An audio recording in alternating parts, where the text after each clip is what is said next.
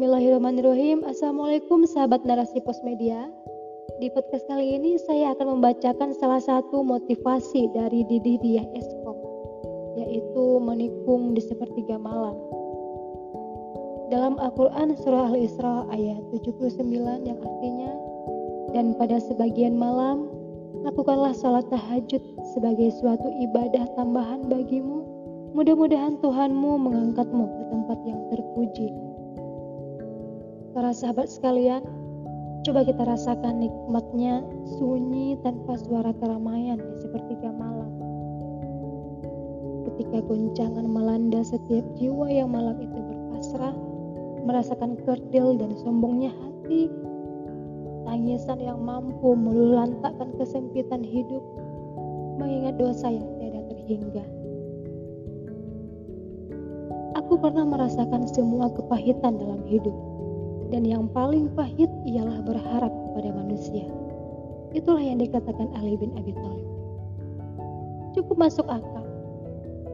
Manusia memang tempatnya kesalahan. Namun badai ujian kerap datang kepada manusia tak juga membuat kita jera untuk bersegera menghadap sang masa ilahi Rabbi.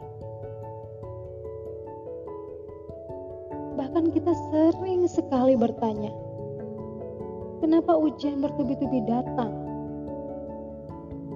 Ya karena sesungguhnya Allah Subhanahu wa taala cemburu pada kita.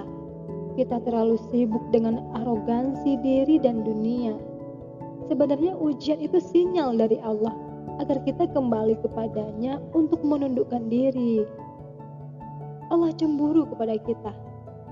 Pernahkah kita sadari itu?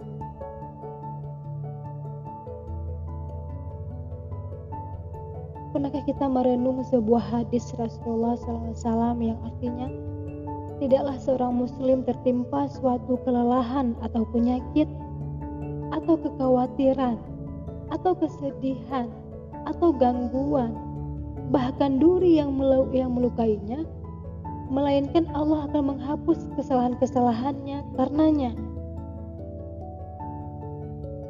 Masya Allah Sudahlah kita jauh dari Allah, kita lupa dengannya. Lalu apa yang kita dapatkan? Allah malah sebaliknya. Allah mengampuni dosa-dosa kita jika kita datang kepadanya. Bagaimana jika manusia yang kecewa kepada kita? Kita akan dijauhkan. Mereka tidak suka lagi kepada kita. Dan bisa jadi kita tidak lagi diingat oleh mereka. Subhanallah. Mengetahui begitu banyaknya lalai kita, sampai kita lupa bersemangat mendekati Allah, mungkin ada baiknya kita muhasabah diri.